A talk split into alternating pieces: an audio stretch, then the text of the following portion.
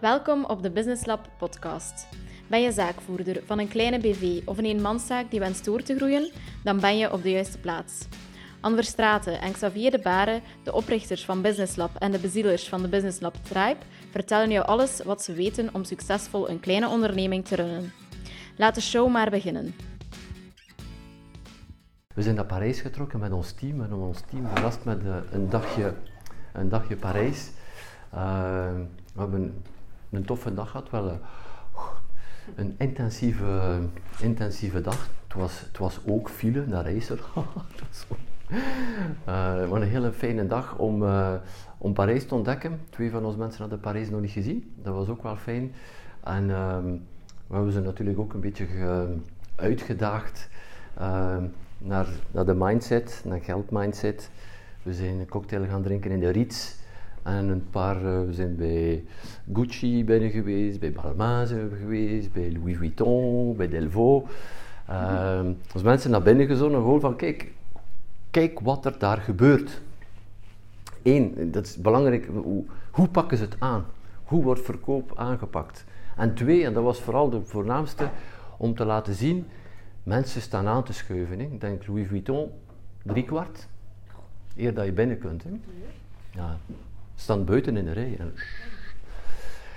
Ook om dit mee te geven, zeker in deze tijden waar het media en zo verder allemaal een klein beetje die negativiteit opgaat, er is, er is, nog, uh, er is nog geld en geld, uh, geld rolt.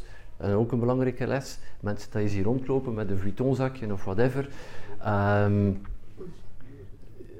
zijn niet altijd gekleed of hebben niet altijd het uiterlijk dat je zou denken, dat je verwacht van dit. Uh, dus ga, dat is ook een van de grote lessen, die mensen gaan nooit gaan oordelen op hoe dat je, hoe dat je eruit ziet. Ze zien in iedereen een, uh, iedereen een kans. Wat was de les dat ze nog meenamen? Uh, klein assortiment. Geen, als je die kledijzaken gaat, is niet zoals je heel vaak bij ons ziet, het is allemaal tegen, tegen het ander gepropt dat je het niet ziet. Een paar, een paar stukken. Het is ook wel iets om over na te denken. Voor, in, jouw business, welke jouw business ook is, assortiment, hoef je 150 verschillende zaken te hebben?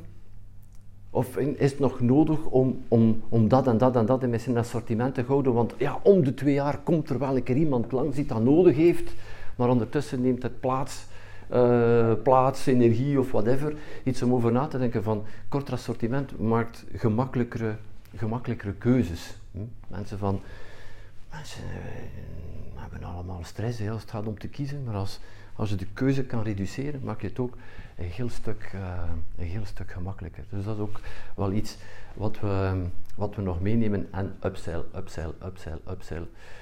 Uh, deze sacoche is verkocht en we zijn al de tweede en de derde aan het verkopen. Hè. Dus ook in al die verschillende zaken. Dus niet stoppen met verkopen. Hm, blijven verkopen. Mensen zijn uh, heel tof om dat proces te zien. Je hoeft naar Parijs niet te gaan. Hè. Kun ik een dagje, een dagje Brussel doen, moet ik die zaken binnenlopen. Hm. Uh, om te zien hoe dat, uh, hoe dat daar gaat. Vooraleer dat ik, dat ik het woord geef aan, aan Anne om de mastermind in te leiden, wil ik jou nog een kort verhaal, een spijtig verhaal uiteindelijk wel delen. Komt dit eerder deze week tegen en het gaat over Cirque du Soleil. Iedereen bekend met Cirque du Soleil? Uiteindelijk twee, uh, twee ongelooflijk knappe mensen die, die het circus naar een totaal, totaal, totaal andere dimensie hebben gebracht, x aantal jaren geleden. Maar misschien weet je ondertussen, Cirque du Soleil is failliet gegaan, hè? Uh, een aantal jaren geleden. En uh, het was hem vooral een reflectie over de twee grote redenen waarom Cirque du Soleil failliet is gegaan. En vooral de les die wij er kunnen uithalen als kleine onderneming. Eerste grote reden, en dus misschien iets minder, uh, iets minder voor ons, maar wat is er gebeurd? Um, Cirque du Soleil heeft een uh, groep van privé-investeerders binnengelaten in het, in het kapitaal. En die mensen zijn direct schuldig gaan maken om daar zoveel mogelijk cash uit te halen. Hm. Met als resultaat, al het geld was weg en dat de voorstelling van morgen de schulden van gisteren moeten betalen. Dus dat steekt u al in een hele moeilijke positie. Dan komt natuurlijk uh, COVID. Dan, boom, dan was het helemaal gedaan. Maar het tweede belangrijke aspect, en dit is wel een les die we allemaal kunnen meenemen, ze hebben nooit geïnvesteerd in een relatie opbouwen met hun klant. Ze hadden geen klantenbestand. Het was telkens opnieuw uh, een, een, nieuwe, een nieuwe voorstelling doen. Uh, voorstellingen in Las Vegas uh, continu, dan in Orlando en een aantal andere grote steden. Ze hebben dan een aantal groepen overgenomen. was gewoon, ja dat gaat goed. Hè. We stellen ons gewoon geen vragen, geen plan, geen strategie. Oh ja, iedere keer als we met iets komen, de mensen komen wel af. Maar dan gebeurt er in één keer iets, uiteraard ja, onvoorspelbaar, zoals de COVID.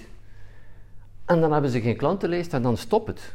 Hadden ze uh, een klantenlijst gehad, hadden ze e-mailadressen gehad, uh, gingen ze een aantal acties kunnen oppunten. Misschien een aantal, ja, er is zoveel uh, virtueel gedaan en online gedaan, misschien kosten ze daar iets doen. Of al tickets voor de toekomstige voorstellingen aan een heel gunstige tarief. Van kijk, koop er twee en, en krijgt er één gratis bij. Om, om cashflow te genereren, om, om van, van, alles, van alles en nog wat was er mogelijk. En dat konden ze niet omdat ze afhankelijk waren van, uiteindelijk van, um, een van de grote fouten die we vaak maken als uh, onderneming is afhankelijk zijn van het cijfer 1. Het is niet de eerste keer dat je dit hoort, maar afhankelijk zijn van één strategie. Gewoon, ja, we, we doen maar iets, we zetten een, nieuw, een nieuwe voorstelling op oh, en de mensen komen wel af. Maar niet gaan nadenken, oké, welke andere mogelijkheden zijn er nog? Dus denk daar ook over na. Zeker in de periode waar we nu naartoe gaan. Het is toch al net iets, uh, uh, iets complexer geworden.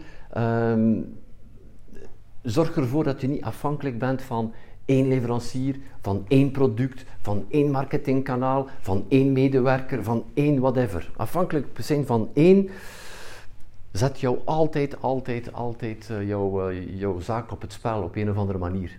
En een succesvolle onderneming is altijd de combinatie van twee zaken enerzijds groei, nadenken over groei, maar is ook altijd gaan nadenken over, um, in hebben ze zo'n mooi woordje voor, risk mitigation. Om het risico, beperking van risico. Wat kan ik doen om zoveel mogelijk mijn risico te gaan beperken? Want heel vaak, als we daar niet over nadenken, er gebeurt iets, oeh, dan slaan we in paniek. We zitten in de paniek, we gaan dan ook de verkeerde beslissing gaan nemen, want we zitten in een vorm van angst of van paniek. En zo begint er een neerwaartse spiraal heel snel te gaan.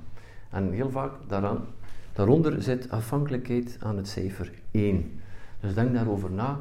Uh, als er aspecten zijn in jouw business, dan zeg je, is volledig afhankelijk van één iets. Dit is jouw prioriteit voor morgen om daarover na te denken. Wat kan ik doen om, om, om dit... Uh, uh, om daar 2, 3, 4, 5 van te maken. En ook is de, het alternatief, de zaken die je eraan toevoegt, zijn die misschien duurder, iets minder interessant, iets minder rendabel. Toch durf daarover na te denken. Zeker in naar jouw marketingtours in verschillende kanalen. Zeg ja, ja, ik werk nu met dat kanaal, dat is een goedkoop kanaal, dat brengt veel binnen. Toch eens durven na te denken, welk ander kanaal kan ik er bijnemen, die misschien wel wat duurder is, maar die mij toch wel ergens um, ja, een, een, vorm van garantie geeft. Als het stil valt, komt er iets anders, komt er iets anders binnen. Want ik geloof nog altijd, eh, ik, ik, ben, geen, ik ben geen visser, maar ik geloof nog altijd dat het beter is van um, langs, de, langs de vijver te zitten met tien gewone traditionele vislijnen, dan met één vislijn te zetten, super technologisch, met alle toeters en bellen eraan, en er maar één te hebben. Hm? Het aantal vislijnen die in het water liggen, hoe meer vislijnen dat je in het water hebt, hoe meer kans, groter de kans dat je iets, uh, iets vangt. En om te even wat het, uh, wat het is. Ook naar jouw medewerkers toe, durf daar ook over na te denken. Ik weet, het is niet altijd gemakkelijk, zeker in kleine structuren, maar welke is, wie is de sleutel? En als die persoon wegvalt, dan, woe, dan valt het helemaal in elkaar. Wat kan je doen om, om die persoon te gaan ontdubbelen of een deel van het takenpakket te ontdubbelen. Um, blijf daarover nadenken. En misschien ben jij in jouw business die nummer één. Welk deel van jezelf kan jij gaan uitsplitsen zodanig dat jouw business ook niet 100% afhankelijk is van, uh, van jezelf. Want overnight, uh, overnight kan er iets, uh, overnight kan er iets gebeuren. Um, En gaat het nou uiteraard niet allemaal kunnen opvangen. Maar dit brengt ergens, uh, ergens rust en het is ook daar durven in te, uh, in te investeren. Voilà, dit wil ik jou meegeven van uh, Circuit du Soleil. Bedankt om naar de Business Lab podcast te luisteren. Ben je geïnspireerd door wat je hoorde en wil je meer weten over hoe Business Lab je verder kan helpen groeien met je zaak? Kom dan live kennismaken met Anne en Xavier tijdens een uniek eendaags business event, de Business Lab Kick-Off. Let wel, dit is alleen voor serieuze ondernemers, zaakvoerders van kleine BV's die meer orde, meer structuur, meer winst en meer vrije tijd willen.